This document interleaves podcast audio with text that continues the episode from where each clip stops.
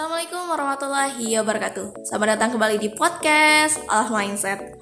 Kembali lagi bersama aku Lisa Aulia.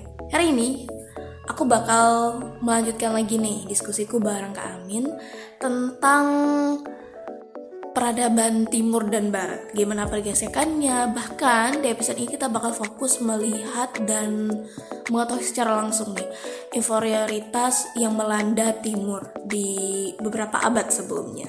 Nah penasaran? Cus dengerin episode kali ini. Pergeseran budayanya itu dia inherent. Jadi dia terjadi dalam kehidupan sehari-hari. Uh, Intinya begini Cak. Uh, Misal anak-anak muda Indonesia kan banyak yang ngefans sama K-pop gitu nggak? Iya nggak sih? Iya benar kak benar. Nah jadi kayak culture invasion gitu kan. Jadi invasi culture gitu. Nah kenapa kita kenapa kita itu jadi kayak wah banget kalau ngelihat K-pop dan kita jadi nggak wah banget kalau ngelihat keroncong gitu. Nah ini bisa di bi, bisa dijelaskan dalam teori uh, psikologi bahwasanya kita mengalami in, inferioritas gitu. Jadi in, inferiority kompleks gitu. Ya kita inferior gitu. Kalau kadang-kadang kan kalau kita kalau kita mau jujur ya misalnya orang Indonesia itu punya standar cantik sendiri itu menurut menurut saya ya Caca mungkin punya pendapat lain. Uh, orang Indonesia itu punya standar kalau mau dikatakan gantengnya Indonesia itu gimana sih? Ya, ya gitu gitu ya pasti nggak akan bisa disamakan dengan uh, standarnya Korea gitu. Atau standarnya Jepang. Karena Jepang adalah Jepang dan Indonesia adalah Indonesia gitu.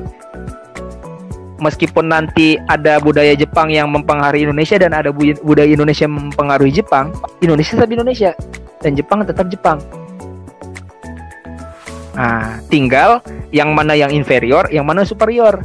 Nah, dalam kasus K-pop, kita kan inferior tuh ya akhirnya kita yang yang terwah-wah gitu. Iya, ke ng ngelihat cowok Korea gitu wah ganteng banget bla bla bla bla gitu. Atau uh, yang cowok ngelihat uh, cewek-cewek Korea gitu kayak wih cantik banget gitu kan. Ya, padahal padahal kita tuh punya standar sendiri gitu loh gitu.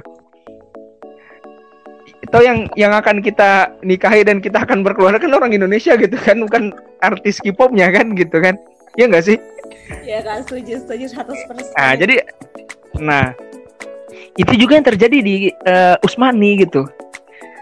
Uh, Usmani itu yang awalnya dia punya daya tawar tinggi, yang mana kalau disebut kultur Usmani maka orang Eropa itu angkat tangan.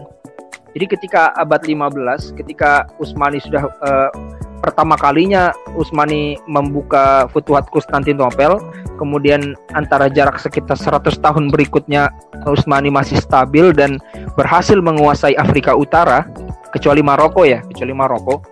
Algier, uh, Tunis, Libya itu dikuasai semua. Itu orang ketika mendengar nama Utsmani, orang tuh bergetar gitu. Seperti kita lagi nih. Hari ini kan kalau kita wih US Army gitu kan wih SEAL gitu apalagi nih uh, yang keren tuh uh, SWAT gitu kan. Padahal kita itu punya Kopassus gitu. Ya enggak sih? Kita tuh kita punya Kopassus gitu tapi tapi kita masih ngeliat kayaknya masih keren Navy SEAL gitu atau uh, eh, US Army misalnya gitu. Atau Spetnas Rusia gitu Spetnasnya Rusia. Atau Gigen Gigennya apa? Prancis ini kita kita inferior gitu nah jadi terjadi begitu uh, kemudian uh, karena mereka kalah perang dan kalau kita mau amati ya mungkin dalam uh, uh, narasinya uh, Pak Derogan itu Pak Derogan itu dan kita bisa bandingkan dengan buku-buku uh, lain, uh, misal ada namanya Reza Pankrus ya. Reza Pankrus itu juga meneliti tentang khilafah. Uh, atau yang lebih umum misalnya Philip Kahiti ya, History of Arabs. Kita akan menemukan bahwasanya uh, pasca kekalahan pertama Utsmani di Yunani kalau tidak salah. Jadi waktu itu uh, sekitar abad ke akhir abad 17 gitu ya uh, Rena Rena uh, Renaissance itu kan uh, pencerahan tadi of Kelarung itu kan membawa kepada liberalisasi masyarakat, masyarakat yang berdaulat penuh gitu ya.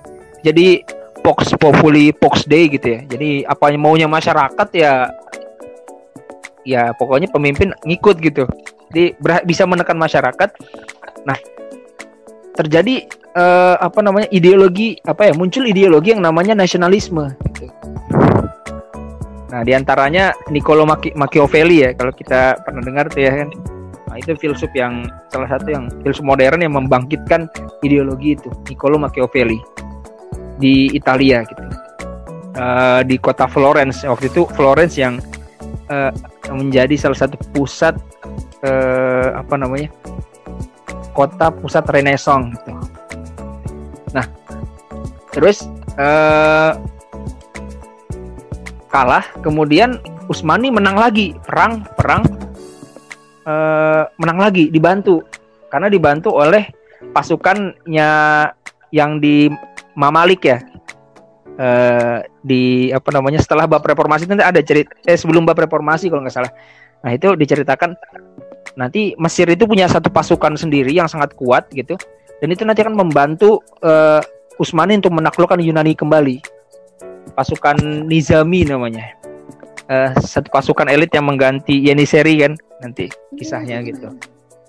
Nah, terus akhirnya uh, menang lagi, uh, tapi uh, kemenangan itu bersyarat yang mana uh, penguasa lokal tadi yang di daerah Mamalik itu pengen pengen kekuasaan yang lebih.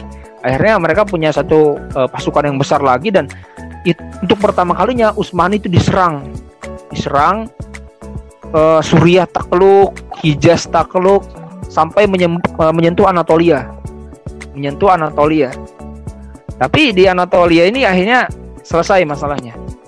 E, permintaan dari apa namanya daerah otonom yang daerah otonom di Kairo itu diterima. Ya udah, ya diterima. Kemudian udah mereka jadi semacam kerajaan sendiri. Itu yang disebut kerajaan Muhammad Ali itu, Muhammad Ali Pasha itu. Nah, kemudian uh, di situ kan artinya uh, Usmani ini semakin keropos ya. Nah, jadi daya daya tawarnya turun di hadapan Eropa. Uh, tapi kemudian uh, ketika perang selanjutnya lagi, ya Usmani uh, tetap apa ya dalam artian uh, kedikdayaannya itu semakin menurun gitu. Kedikdayaannya semakin menurun gitu. Nggak jadi super power lagi. Uh, makanya ketika ekspansi di Alji apa ekspansi orang Eropa di Aljir kemudian Tunis Libya Mesir Usmani nggak bisa ngapa-ngapain. Uh, serangan Napoleon ke uh, Mesir menaklukkan orang-orang Mamluk atau Mamalik itu kan Usmani nggak ikut campur dia udah nggak nggak bisa ngomongnya padahal secara secara uh, sistem ketatanegaraan daerah Mamluk, daerah Kairo, daerah Libya, daerah Tunis, daerah Aljer itu adalah negara bagian dari Utsmani. Tapi Utsmani nggak bisa ngapa-ngapain. Nah gitu. Akhirnya mentalnya turun lah. Kalau orang kalah perang kan turun ya, nggak bisa ngapa-ngapain kan turun mentalnya. Nah kemudian eh, apa namanya ya begitu ter terus terjadi konfrontasi.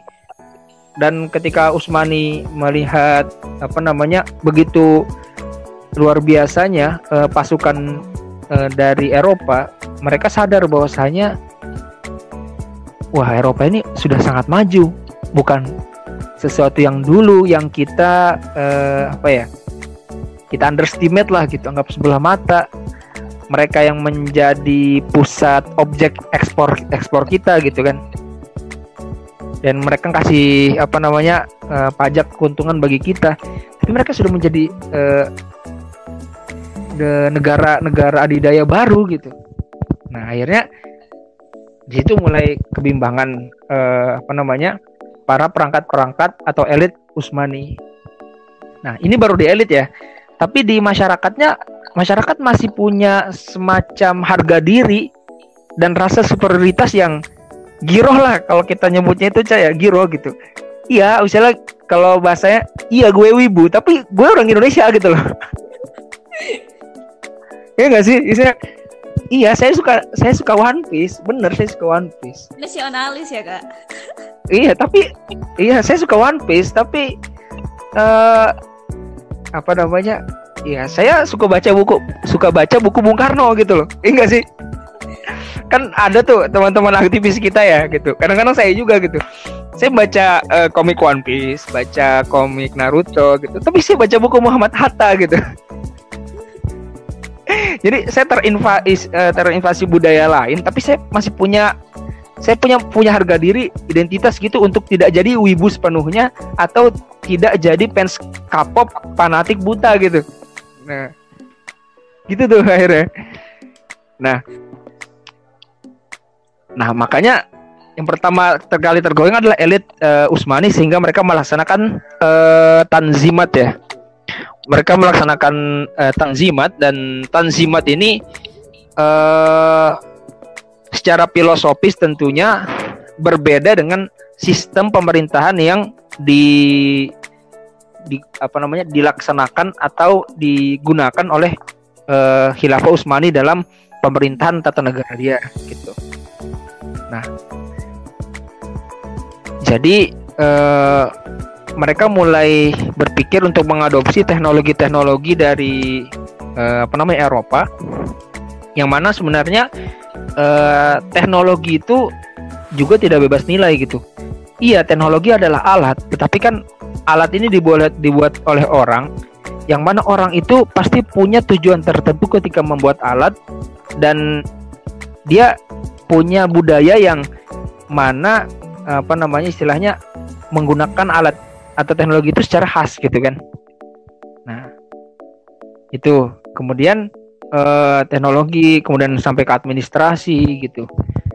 Dan di antara hal yang paling krusial uh, dari tanzimat itu adalah uh, digesernya hukum Islam atau hukum fikih atau uh, ya hukum fikih hukum fikih yang dulu.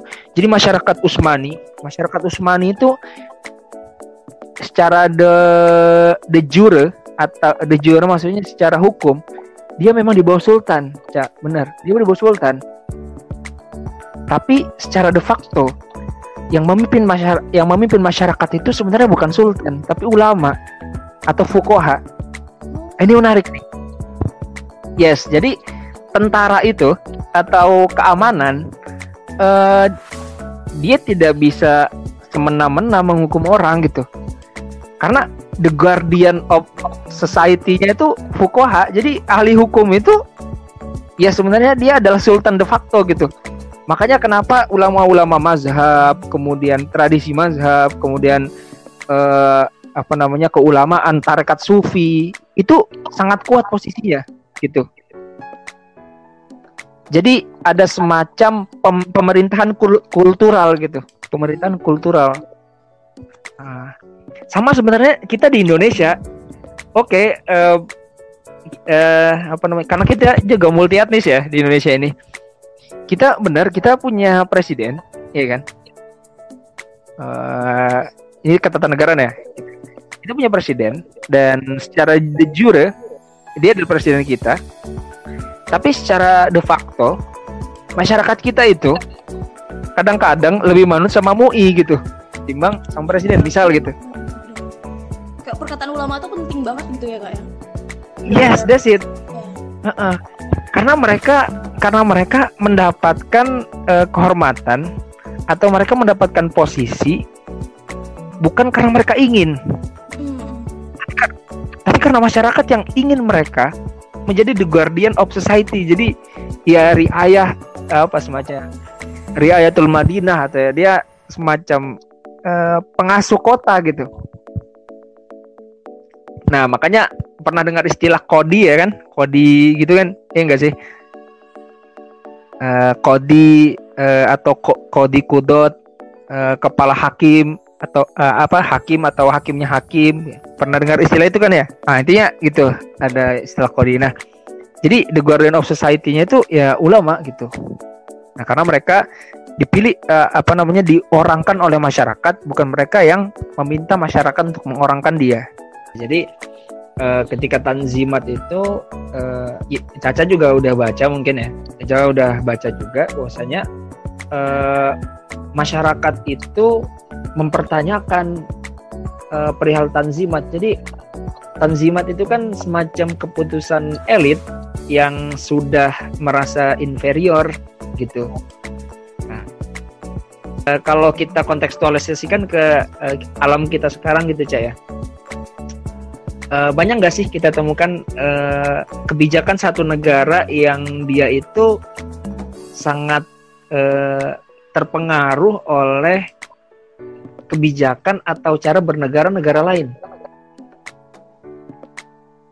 Indonesia kayaknya masuk deh kak. Iya, sebenarnya saya pengen bilang Indonesia juga gitu. ya, ya ini sebagai autokritik ya kepada diri kita juga dan sebagai rasa cinta kita kepada Indonesia gitu.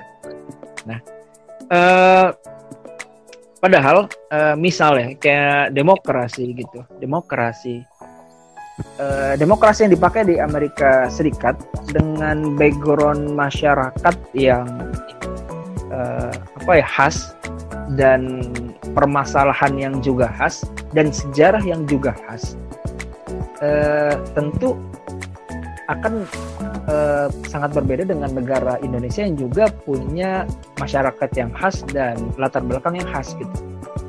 Uh, sebagai contoh, ketika di Indonesia problem kita uh, yang kadang-kadang bukan nggak problem ya, itu modal sebenarnya modal kalau dari sisi positif adalah multi etnis uh, dan kadang-kadang uh, ada agama mayoritas dan minoritas. Kadang-kadang itu yang bisa dijadikan oleh orang-orang yang tidak bertanggung jawab sebagai uh, trigger ya. Munculnya eh, hal-hal uh, yang tidak baik gitu di masyarakat kita. Ya distabilitas gitulah. Nah kalau di Amerika kan dia bukan uh, ke etnis tapi dia ke ras. Jadi uh, ada semacam pembagian gitu kan. Kalau kita pernah dengar ya ada Black American, Latino American, Asian American itu itu menjadi problem dan sampai hari ini itu masih hangat gitu. Kalau dalam kasus kita di Indonesia mungkin uh, uh, apa namanya saudara kita di Papua yang kadang-kadang uh, menjadi sasaran uh, begitu juga gitu loh. Nah ini kan sebenarnya miris. Tapi uh, alat kulihal uh, yang terjadi di Amerika dan Indonesia itu ada perbedaan. Nah, jadi intinya gitu, uh, masyarakat uh, Ottoman kalau kita juga baca di Eugene Rogan kan mereka kan awalnya menolak Tanzimat kan? Iya kak, iya. Uh, karena uh, Tanzimat ini uh, secara secara struktural dia mendelegitimasi uh, hukum fikih uh, yang terjadi, uh, hukum fikih yang berlaku di masyarakat, sehingga nanti peran-perannya kodi, peran-perannya hakim, fukoha, ulama itu bukan bukan lagi sebagai the guardian of society, dia uh, menurun fungsinya gitu. Dari yang awalnya dia bisa mengendalikan masyarakat secara de facto, ya artinya hukum ketika ada permasalahan hukum diputuskan oleh hakim gitu. Nah ini hukum diputuskan oleh administrator gitu. Uh, dengan apa namanya aturan-aturan yang sangat tidak khas Usmani gitu atau tidak khas uh, Islam. Jadi ada istilahnya kalau dalam kajian fikih itu taknin namanya. Taknin itu uh, positivisasi hukum-hukum fikih gitu. Uh, gitu deh. Jadi kalau dalam agama kita itu kan sebenarnya yang mengatur kehidupan sehari-hari kan hukum fikih ya, iya nggak sih? uh, cara kita jualan, cara kita berinteraksi dengan orang gitu. Nah, tapi hari-hari ini kan uh, hukum-hukum yang fikih itu kan dia hanya jadi hukum non formal dan tidak terlalu mengikat secara hukum, tapi dia dia hidup di uh, masyarakat kita gitu, di society kita. Hmm. Nah, iya, iya. yang biasanya berkaitan dengan penjara uh, adalah hukum positif kan nah hukum-hukum positif ini yang disebut konun uh, atau taknin nah, nah intinya dengan adanya konon itu, dengan adanya konon itu, uh, yang menjadi hakim itu bisa jadi petugas uh, petugas petugas administrator dari negara gitu. Jadi bukan bukan lagi orang yang dipilih uh, oleh masyarakat yang dia mendapatkan kepercayaan dari ma masyarakat yang mana ketika dia nanti memutuskan suatu hukum itu bakal legi, legitimate banget gitu. Sama kayak kita kalau kita nih punya ketua kelas gini ya. Kita punya ketua kelas dan orang seluruh di kelas itu milih ketua kelas itu karena tahu kapasitas dia untuk memimpin. Maka yang terjadi adalah apa pun keputusan ketua kelas itu masyarakat ketua kelas itu fine fine aja gitu ya nggak sih? Kalau lihat presiden kita sekarang ya kita juga nggak bisa berbuat apa-apa kalau dia udah buat keputusan sih. Uh, iya kita bisa sih sebenarnya bikin koalisi-koalisi kayak gitu. Nggak nggak ada bercanda. Uh, artinya uh, dalam alam demokrasi ya kita bisa bersuara lah gitu. Tapi artinya uh, artinya secara de jure secara hukum uh, secara hukum yang mengikat uh, beliau iya pemimpin. Dan ketika belum mengeluarkan peraturan instruksi itu bernilai hukum. Ya enggak sih? Iya. Nah tapi secara kekuatan sosial apakah itu berpengaruh apa tidak gitu masyarakat itu menerima dengan terbuka mensupport 100% atau tidak. Nah, itu. Nah, itu yang terjadi di Usmani itu. Jadi Tanzimat itu mengalami uh, secara secara de jure dia dapat diterapkan lewat uh, struktur-struktur uh, pemerintahan Usmani. Tapi di akar rumput hal-hal tersebut dipertanyakan oleh masyarakat-masyarakat gitu. Yang mana masyarakat ini kan yang masyarakat ini kan dia juga punya uh, pemangku-pemangku uh, apa namanya agama, pemangku adat, kepala suku yang orang-orang ini sebenarnya lebih dipercayai. Nah kan, kan menarik banget nih kak, kayak kita ngomongin peradaban juga, memang. Oke. Okay. Ketika Barat mulai maju, malah Timur yang banyak konflik dan akhirnya khilafahnya memutuskan untuk tan melakukan tanzimat dan sebagainya. Memang perubahan itu ya saya setuju banget sih kak. Apalagi yang bagian superior dan inferior. Maksudnya yang inferior merasa rendah diri. Nah dan ini terkejut pas baca bukunya itu adalah bagian fakta kalau khilafah Utsmaniyah ini berhutang sangat dalam jumlah yang sangat besar kak terhadap Inggris, okay. terhadap negara-negara di Eropa dan bahkan konflik yang di sana konflik berdarahnya juga banyak banget banyak banget seperti apa ya kak dampak-dampak yang luar biasa nggak terkirakan dari keputusan khilafah Utsmaniyah itu sendiri gitu. Nah, buat kakak sendiri sebenarnya ini pantas nggak sih untuk ya bisa bilang apakah ini cuma egoisme para pemimpinnya atau memang ini sesuatu yang baik untuk membangun peradaban? Gimana kak? Oke, ini satu pertanyaan yang menarik cak ya. Uh, kalau bagi saya sendiri, uh, apakah ini pantas untuk diambil? Pertama, uh, saya agak apologis ya jawabnya. Pertama, uh, kita tidak tahu secara pasti sebenarnya keadaan waktu itu gitu. Jadi tingkat uh, tingkat kritisnya sampai mana gitu tapi kalau dari hanya sekedar pen, uh, pemaparannya Pak Derogan gitu ya Derogan kan cerita bagaimana uh, setelah inferioritas yang terjadi kemudian uh, Usmani tersilaukan dan merasa harus mengikuti uh, Eropa dan Eropa dijadikan kiblat untuk modernisasi gitu ya, modernisasi uh, persenjataan, militer, pengetahuan. Gitu. Nah, bagi saya uh, sebenarnya ada semacam apa ya ketidaksinkronan atau mungkin bisa dikatakan kesatu paduan antara apa yang dipikirkan elit dan apa yang dirasakan oleh masyarakat. Nah, kadang-kadang uh, keputusan politik, jadi ini rumitnya ya cak ya. Kalau kita scoop sebenarnya kan dalam keluarga itu juga ada semacam politik kan gitu kan. Kalau ada ada misalnya ada keluarga ada anak ada ada ayah ada ibu ada ada anaknya tiga gitu kan. Nah, misalnya anak pertama punya satu keinginan gitu kan. Dia kan pasti dan dia tahu uh, kayaknya nih ayah nggak akan terima nih. Jadi lobby lobby ibunya gitu.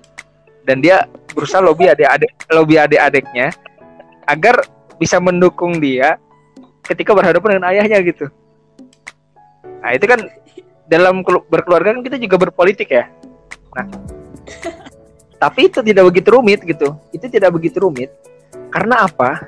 Karena dalam uh, politik, dalam ruang lingkup yang ke uh, politik, dalam ruang lingkup yang kecil, masing-masing uh, dari orang yang terlibat dalam politik itu bisa menyuarakan pendapat secara langsung. Ya enggak? Ya enggak sih? Uh, nah, jadi misalnya uh, Caca nih pengen uh, A gitu kan tapi uh, ibu nggak boleh. Terus bapak bapaknya dukung udah di lobby lobby bapaknya bilang uh, saya setuju sama si Caca nih karena gini gini gini. Wah terus adanya ya mas saya juga setuju. Nih padahal dia janjiin silver queen gitu kan di belakang. Tapi dia setuju. Nah artinya apa? Setiap orang itu bisa ikut berpartisipasi secara langsung dan uh, walaupun kadang ya mungkin namanya orang tua lebih tinggi ya di atas kita gitu suaranya, uh, tapi ada kemungkinan besar untuk uh, anggota lain berpartisipasi secara aktif dan merubah situasi. Nah, itu jadi jadi makanya mas uh, kalau kata-kata Aristotle itu kan manusia itu kan zone politikon gitu kan. Ya malu politik emang kan. Jadi ada dia ada keinginan dan bagaimana caranya biar sampai ke keinginan itu.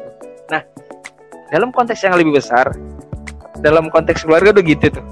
Konteks RT ribet lagi kan. RW ribet tambah ribet. Konteks kepala desa udah main sogok-sogokan kan misal gitu. Iya, konteks konteks kabupaten udah ke endus KPK gitu kan kan uh, pro provinsi baru dilantik sehari udah masuk bui gitu. Nah apalagi konteks negara nih kan.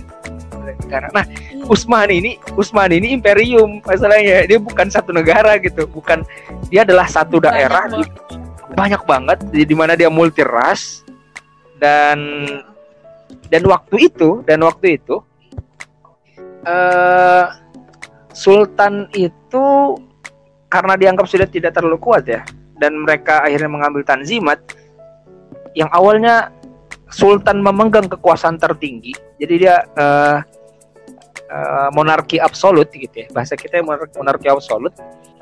Menjadi monarki uh, konstitusional gitu kan. Jadi ada parlemen gitu. Ada semacam darul darul apa halul hali wal akdi gitu. Atau DPR lah gitu ya DPR gitu. Nah, cuman kan problemnya lagi. Apakah DPR ini benar-benar uh, menyampaikan keresahan-keresahan dan apa ya sebagai simbol sejati dari apa yang dirasakan dan diinginkan oleh masyarakat? Kan enggak? Ya kan?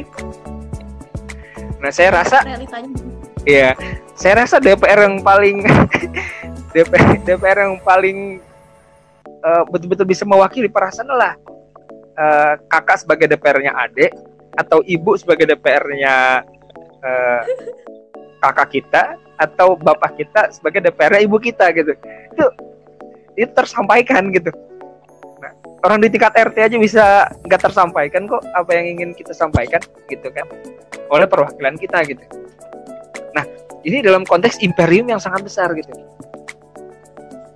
Nah ini yang uh, saya lihat uh, bahwasanya ada gap antara uh, apa yang dirasakan oleh uh, parlemen Utsmani tadi dan Sultan dan apa yang dirasakan oleh rakyat.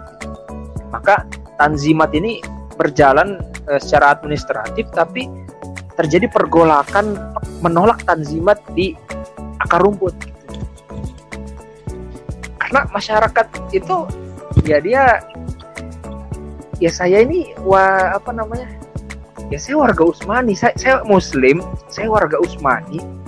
Agama saya punya aturan yang gini gini gini gini gitu. Kok kok tiba-tiba bisa jadi gini gini gini gitu? Ini kan mendegil, mendelegitimasi uh, tokoh-tokoh yang kita kita ajukan nih misalnya misalnya uh, ada ulama terhormat dia yang menjadi tadi the guardian of society. Ya, kok dia perannya digantikan nih oleh administrator gitu.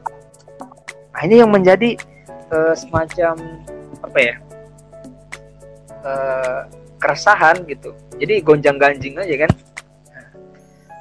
Dan salah satu yang agak fatal adalah uh, dengan perubahan pemaksaan perubahan struktur sosial secara TSM terstruktur masif sistematis gitu. Jadi ingat ingatan ini 2019 nih. Gitu kan. Jadi terstruktur terstruktur uh, ma, uh, sistematis masif lewat elit. Uh, maka yang terjadi adalah yang perubahan secara tiba-tiba tadi adalah pasti akan menimbulkan semacam kekagetan di masyarakat yang mana kekagetan itu e, dalam kasus Usmani tidak terkelola secara baik ya tidak terkelola secara baik karena diteruskan saja tanzimatnya tanpa mengakomodir suara suara-suara masyarakat akar rumput tadi. Sehingga yang terjadi adalah konflik sosial.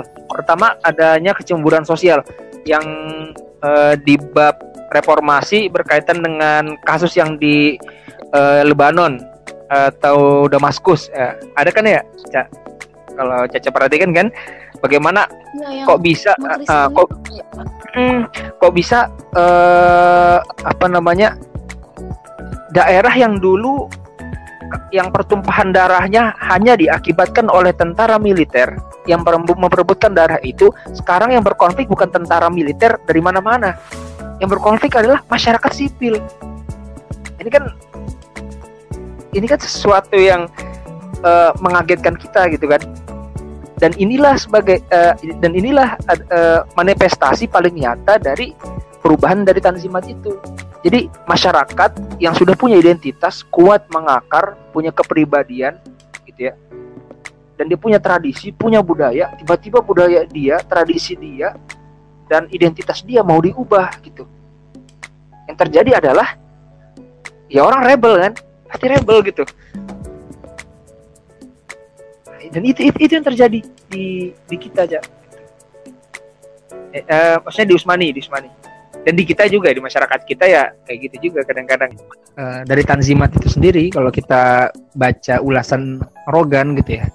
Dan kalau kita juga bandingkan dengan tulisan-tulisan lain, misalnya kayak uh, Reza Pankros ya Reza Pankros itu ya dia memperlihatkan bagaimana uh, keputusan-keputusan elit yang mana itu didasari oleh in inferioritas uh, meskipun ya inferioritas ini dia tidak tidak terlalu menonjol atau tidak terlalu terlihat yang terlihat adalah uh, keinginan untuk memodern apa modernisasi gitu.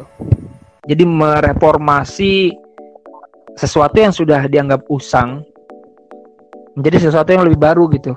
Nah, akhirnya dipilihlah tanzimat itu. Nah, yang saya sebut dengan inferiority uh, in, uh, inferioritas gitu ya, inferiority complex itu dia menyelinap di dalam uh, hal yang ditonjolkan tadi. Jadi yang kelihatan adalah ingin memodernisasi tapi yang terjadi sebenarnya beyondnya. Beyond di, di beyond dari keputusan untuk memodernisasi atau reformasi birokrasi itu adalah inferioritas gitu.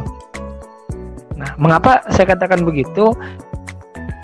Eh, keinginan untuk memodernisasi atau melakukan reformasi eh, baik itu di bidang militer kemudian birokrasi itu terjadi uh, setel, uh, setelah mereka mengalami kekalahan secara politis uh, dari lawannya gitu. Dalam kasus ini Usmani kalah secara politis uh, dari lawan-lawannya di Eropa. Nah, jadi begitu. Jadi yang terlihat dan apa yang Bion itu uh, jadi yang terlihat adalah A tapi yang beyond itu adalah B nah, alasannya kenapa ya dipicu dari tadi kekalahan secara politis yang mana kekalahan secara politis secara logis itu pasti akan menimbulkan semacam kekalahan uh, psikis dan kekalahan psikis itu mengakibatkan uh, kekalahan uh, psikologi uh, psikologi individu kemudian mengalahkan uh, membesar berakumulasi menjadi kekalahan psikologi massa gitu. Jadi kekalahan psikologi politik dulu, kalah perang, kalah politik, kemudian kalah uh, elitnya mengalami apa namanya semacam kemunduran uh, psikis, kalah gitu ya, merasa rendah.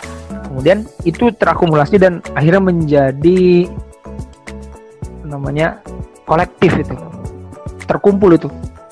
Nah terkumpul akhirnya lahirlah di dalam dewan itu kesepakatan untuk reformasi atau tanzimat. Nah, itu yang terjadi itu uh, dalam hemat saya saya jadi saya membaca karya Rogan dan Pankros itu kemudian melihatnya seperti itu gitu. Saya menerjemahkan uraian-uraian dari Pankros dan uh, Rogan gitu. Nah jadi begitu. Nah tapi uh, seperti yang kita bahas di uh, waktu yang lalu ya Cah ya bahwasanya uh, gap yang terjadi tadi itu itu belum terselesaikan. Bahkan uh, membutuhkan beberapa dekade gitu. Secara uh, apa namanya ya yang tampak gitu ya. Secara real yang tampak gitu ya. Yang, yang apa namanya kasat mata gitu ya. Nah, birokrasi reformasi birokrasi atau tanzimat itu terjadi ini terjadi. Uh, namun secara tidak kasat mata gitu ya. Artinya secara yang tidak terlihat. Jadi ada arus bawah gitu ya. Arus bawahnya itu dia tidak terjadi sebenarnya. Tidak tidak terjadi dalam artian uh, ketika dalam yang terlihat dia terjadi secara masif gitu ya. Uh, dan seakan baik-baik saja gitu. Tapi di bawah ini uh, penerimaan itu uh, apa namanya belum tidak terjadi secara cepat. Jadi ada resistensi dari masyarakat uh, akar rumput yang memiliki uh, idealisme tersendiri gitu. Nah, itu sih uh, yang saya lihat ya gitu, Cah. Nah, sehingga uh, apa namanya tanzimat tadi itu pasti akan menimbulkan uh, pada gilirannya dia akan menimbulkan uh, semacam uh, distabilitas di masyarakat gitu dan itu yang kita lihat uh, bahwasanya pasca tanzimat yang terjadi adalah bukan uh, konflik antar tentara antar para para militer yang terjadi adalah konflik antar sama warga negara sipil. Dan itu dan itu yang mengerikan menurut saya uh, saya pribadi ya. Jadi kalau um, ketika militer itu dia berperang gitu uh, dia dia sudah terlatih untuk melakukan perang dan uh, apa ya namanya dengan strategi tertentu dengan perhitungan uh, sehingga kalaupun ada kerusakan ataupun pemilihan medan perang itu apa istilahnya ya dia punya range, sendiri gitu. Nah, beda dengan kalau kerusuhan sipil. Kerusuhan sipil itu uh, hemat saya sangat sulit untuk meredamnya gitu karena api itu uh, muncul di tempat yang tidak di tempat ya di tempat yang tidak terduga dan di tempat yang tidak biasa api itu dihidupkan gitu. Nah, menarik banget nih kak tentang konflik sosial, bagaimana inferioritas ini mulai melanda khilafah Utsmaniyah dan malah menjadi faktor besar yang menghancurkan khilafah Utsmaniyah dan baik dari internal maupun eksternal yang sendiri. Nah, bagi kakak sendiri, apa sih pesan yang kakak dapatkan dari buku ini? Dan penting nggak sih bagi kita seorang muslim untuk membaca buku ini? Hemat saya pertama untuk mengetahui sejarah sosial ya, itu yang pertama. Uh, karena kalau kita melihat uraian Ibnu Khaldun ya Ibnu Khaldun kan di Mukaddimah itu dia punya satu semacam teori gitu uh, kalau para apa namanya sosiolog itu membahasakannya dengan teori sirkular gitu. Jadi ada semacam uh, uh, sirkular Khaldunian gitu. Jadi semacam teori yang menyebutkan bahwasanya masyarakat itu dia punya fase tertentu. Uh, ada yang menyebutkan lima fase gitu. Yang mana fase ini akan berulang kembali. Gitu. Dari uh, masyarakat yang uh, apa namanya? dia dalam grup kecil gitu kan komunal yang kecil kemudian yang membesar uh, menjadi satu apa namanya kalau bahasa Ibnu Khaldun itu umron. Dia jadi peradaban kemudian nanti di generasi pertama peradaban itu kuat generasi kedua sudah mulai menikmati kejayaan di generasi ketiganya dia sudah terlena dengan uh, kenyamanan hidup di generasi keempatnya dia akan hancur. Dan ini yang kita kalau boleh jujur kita bisa lihat dari uh, sejarah kekuasaan yang ada gitu. Kalau kita melihat sejarah kekuasaan, uh, kita akan melihat ke sana gitu, Cak. Dan generasi ini memang tidak mesti diukur dari uh, apa namanya orang per orang gitu ya. Misalnya ada lima keturunan dan apakah lima keturunan itu lima generasi itu enggak, enggak mesti. Jadi satu satu generasi bisa saja dia menjadi uh, apa ya? Ada tiga keturunan penguasa di sana ada empat keturunan penguasa gitu. Seperti itu. Itu pertama sejarah sosial ya. Sejarah sosial. Yang mana di dalam uh, bahasan sejarah sosial ini kita juga akan bisa memahami bagaimana perubahan-perubahan yang terjadi di masyarakat gitu ya yang diakibatkan oleh kebijakan-kebijakan elit masyarakat atau sebaliknya uh, dinamika yang terjadi di masyarakat mempengaruhi eh, kebijakan-kebijakan uh, elit di masyarakat gitu. Jadi ada hubungan timbal balik lah gitu. Dan uh, sejarah sosial sosial ini cak uh, uh, menurut hemat saya adalah uh, satu pintu bagi kita untuk mempelajari masa lalu untuk untuk mempelajari masa lalu dan untuk menatap masa depan gitu sehingga kemungkinan-kemungkinan yang akan terjadi dalam sejarah itu yang terjadi dalam apa terjadi dahulu kala gitu ya, terjadi sebelum kita bisa kita antisipasi yang buruk-buruknya uh, ketika kita melihat masa depan gitu. Ya kalau bahasa Quran kan wal tanzuru nafsum maqaddamat ligot gitu ya. Jadi perhatikanlah maqaddamat apa yang sudah lalu gitu kan ligodin untuk masa depan. Ya gitu. Belajar sejarah itu kan salah satunya itu kan mengambil ibroh untuk mempersiapkan diri menghadapi perubahan-perubahan yang mungkin akan terjadi gitu di masa depan. Diskusi kali ini memang menarik sekali, terutama pemaparan tentang teori peradaban. Apalagi buku ini juga sangat luar biasa lengkap membahas tentang konflik sosial yang terjadi di Khalafah Osmania dan gak hanya itu kita juga membahas tentang superioritas dan inferioritas yang terjadi di peradaban barat dan juga timur. Sekian podcast kali ini. Terima kasih telah mendengarkan. Wassalamualaikum warahmatullahi wabarakatuh.